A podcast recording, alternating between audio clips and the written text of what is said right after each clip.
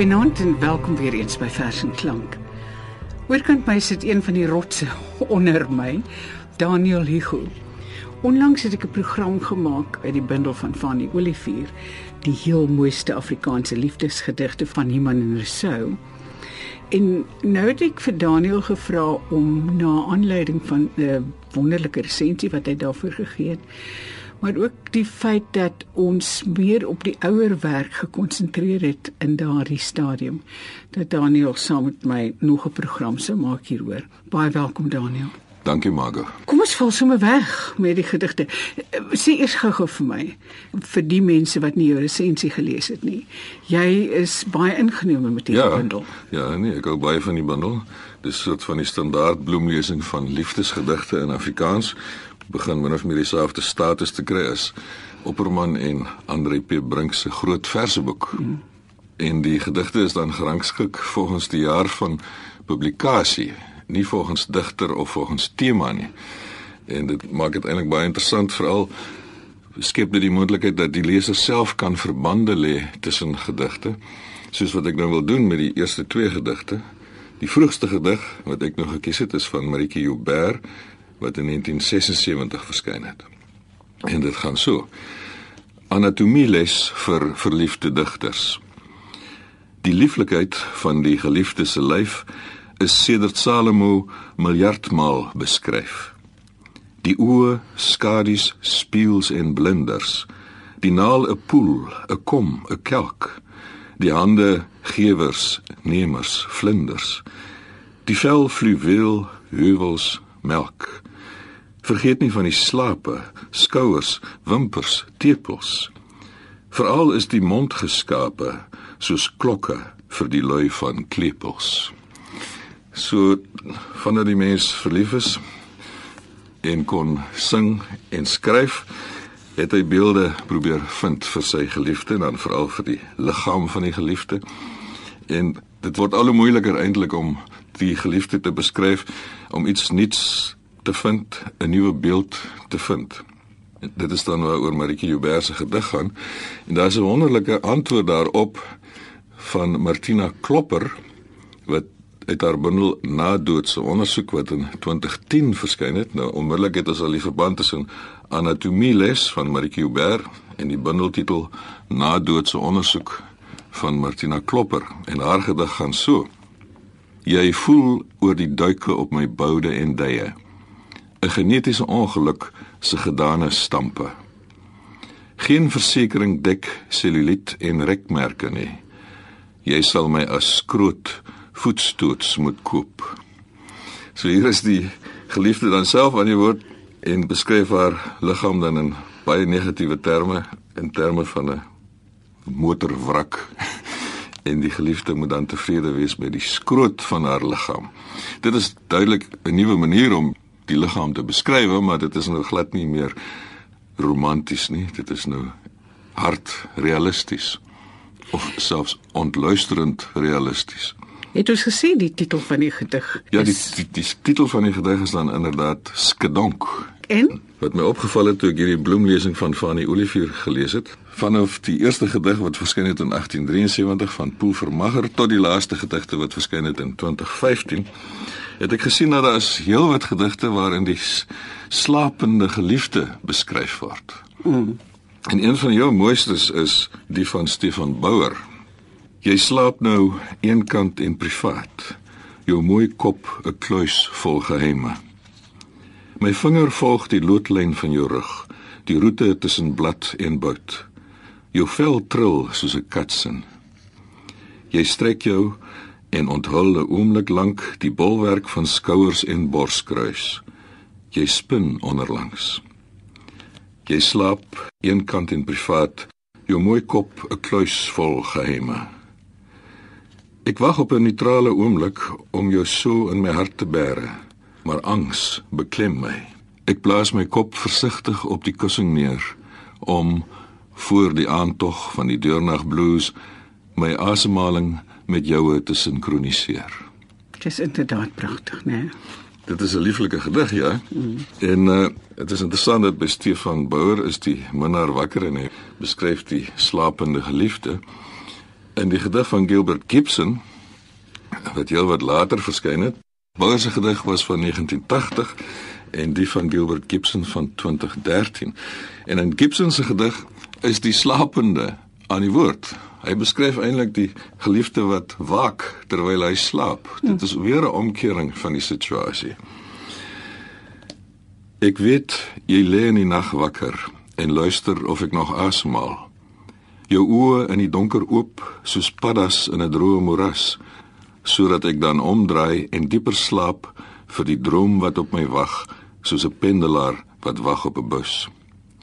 Die asem stuur die vuur van slaap, stuur die koelte van water langs donker, oop oog onder die aanslag van apnee. Ek is ingebed in die opwel van jou hart. As joune klop, sal myne. As joune stop, sal myne. Lieflik, lieflik. Is ek reg? Dit is nie 'n vreeslike gewone gedig vir Gilbert nie. Nee, dit is besonder verstaanbaar. Hy's 'n groot eksponent van die duister gedig in Afrikaans, oftewel die hermetiese gedig.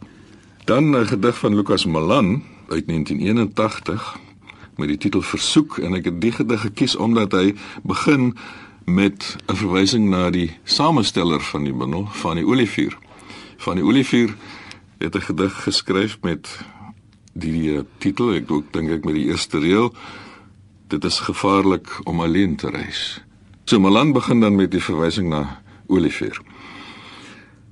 'n Digter het ons al daarop gewys. Dis gevaarlik om alleen te reis. Daarom vra ek jou as metgesel om dit tog aan te pak. 'n Bondgenoot teen die aanslae van 'n hoestende herfs, die drupneus van 'n strawwe winter. Saam kan ons die rillende nagte beluister, die vaart van ure soos hulle galoppeer onderweg na 'n verre bestemming. My voete, nog my ore sal vermoeid raak danksy jou teenwoordigheid. As pelgrims kan ons saam die helder tempels aandoen. Op die brug van sugte fotos neem en afreis na vergete stede.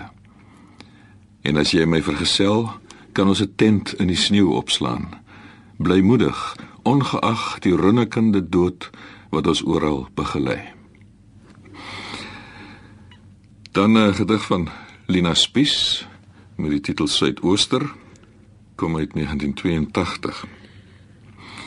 Lief, jy kan die storm vir my stil maak op 'n donderdag om kwart voor 2 as jy vertel die wind het my rose verniel.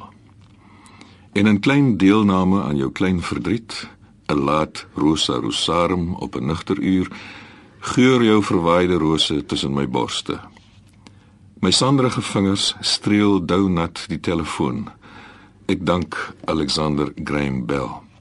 En ek hoor jou stem helder in die sagte suising. Ek is 'n ou viool se stofskoon snaar, luisterryk van die nuances van jou spraak. Kyk, die dag geskielik blinkblaar heel. Jy bring die rym terug in my tong. Ek het jou klink klaar lief met alle bolandse dinge weer veilig binne die ringmuur van my hart. Ver oor die inkblou berge lê die suidoos net 'n dun wit streep.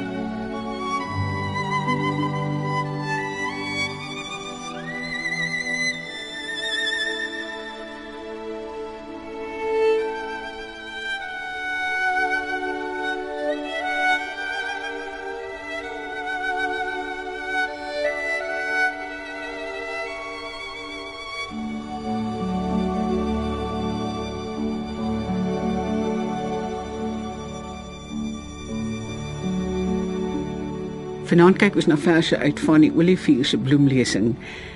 Die nuwe een, die die bygewerkte een wat heet die heel mooiste Afrikaanse liefdesgedigte van Niemand en Rousseau en Daniel Hugo is saam met my in die ateljee. Ja, dis nou al die 5de uitgawe van die bloemlesing. Die eerste het in 1986 verskyn. Maar uh, het hulle nie almal bygewerk nie, het hy? Almal is bygewerk, ja. Regtig, ja. Goed. Uit uh, die jaar 2005 is daar die gedig van Joan Hambidge, Moderne Liefde. Jy was my attachment. Wis nie jy dra 'n virus nie. En nou, maande na die tyd, is ek siek van verlang, onthou, verlang onthou omdat my Norton nie jou spesifiek gekodeerde boodskap kon uitwis nie. Dus nou is alles besmet. My files van onthou ons liefde saam. Jou hartstog soos 'n vlietende epos. Iewers glo lank na die lied gedruk is, bly 'n boodskap, 'n hieroglief bestaan. Ek sal jou nooit nie nooit onthou nie. Ek sê jou nooit nie, nooit vertrou nie. Weg na die rescue files is jy. Vir eendag, miskien eendag, as liefde argeologies gesproke weer mondelik of uitvoerbaar is. Dis inderdaad 'n moderne liefdesgedig wat gebruik maak van die rekenaartaal en uh wie anders kan dit beter doen as John Ambidge. Ek gedagte van Bernard Oordendaal wat ook dikwels aan hierdie program deelneem. Die titel daarvan is Piknik, miskien 1971. Waar son en wolk omhalig wisselwerk en verloop in 'n streek waar deur hoofwee afgemete mik op elders plaasgeluide aanspoel en versluk, daar gooi eendag 'n deken op die ou werf oop. Uit saalsakke word 'n platespelertjie gehaal. Plate met Chopin en skons, 'n warm fles met tee. In die ou boord kry hulle nog 'n vrug of twee. En later staan hulle voor mekaar, skaam wonderkaal. Maar niemand daar met voorgevoel vir ou verraad, nie hy of sy nie, bevange van hul jong geluk. Nog die perde wat grype kweek van die werf afpluk. Nooit 'n oomblik het die dag getalm in sy vaart. Net die geheue wat hulle soms nog parte speel. 'n Vervalle tuin se ongeskondenheid verbeel. In hierdie gedig sien ek die die Vrystaatse platteland en die by die wilgerbome en my baie mooi. Ja, Bernard het daar groot geword op 'n klein hoewe buite Bloemfontein. Ja. Dis waarskynlik kom hy praat daar van die ou werf. Dis ook interessant dat dit 'n sonnet is hierdie. 'n Engelse sonnet wat streng die rymskema volg en dis een van die min formele liefdesgedigte uit die moderne liefdesgedigskat in Afrikaans. Vroeger is daar heel wat liefdesgedigte in die sonnetvorm geskryf deur Elisabeth Eybers en die Lou broers ensovoorts, maar hier is eintlik 'n skaars voorbeeld van so iets in die moderne tyd. Dan 'n gedig van Piet van Rooyen wat eintlik meer bekend is as romanskrywer. Dit het verskyn in 2008. Nou, in hierdie gedig moenie vergeet nie. Is die twee geliefdes op verskillende kontinente. En uh, die versigtiging is dat hulle mekaar nie moet vergeet nie, maar eintlik sê die gedig dat hulle reeds besig is om mekaar te vergeet want uh, die persoon hier aan die woord ons neem aan dis die minnaar die man beskryf net in twee reëls hulle samesyn toe die geheim van 'n een eenkant kamer, twee liggame bibberend van hitte en dan in die volgende 5 reëls vertel hy van alles wat buite die kamer gebeur. So die werklikheid neem reeds oor die romantiek het eintlik al klaar verdwyn. Die romantiek gaan verlore in die alledaagse. Moenie vergeet nie. Moenie dat ons mekaar vergeet nie, lief hier waar ons teruggekeer het na ons eie kontinente waar elk nou op sy eie stukkie magma dryf. Dit was maklik om te kon klou aan vir altyd, toe vingers nog polsend aan mekaar kon raak. Toe die geheim van 'n een eenkant kamer, twee liggame bibberend van hitte. 'n Stem wat van een kant uit 'n ver kroeg sing, takke wat oor dakteels vee. Die knaande getik van waterpype, ligte wat deur dun gordyne skyn. Motors wat by verkeersligte luier en vertrek. Moenie dat ons mekaar ooit vergeet nie.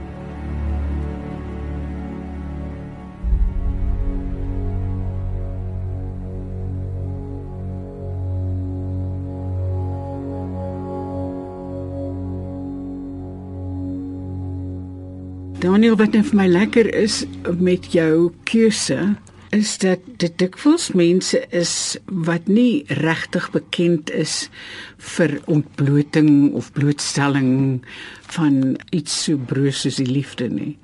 En dis my baie lekker, baie dankie. Baie dankie, Marga.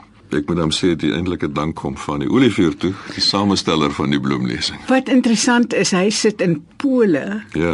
Hy sit in Pole. Ek vra vir hom stuur hulle al hierdie uh, boeke soos hulle verskyn vir jou. Sê nee.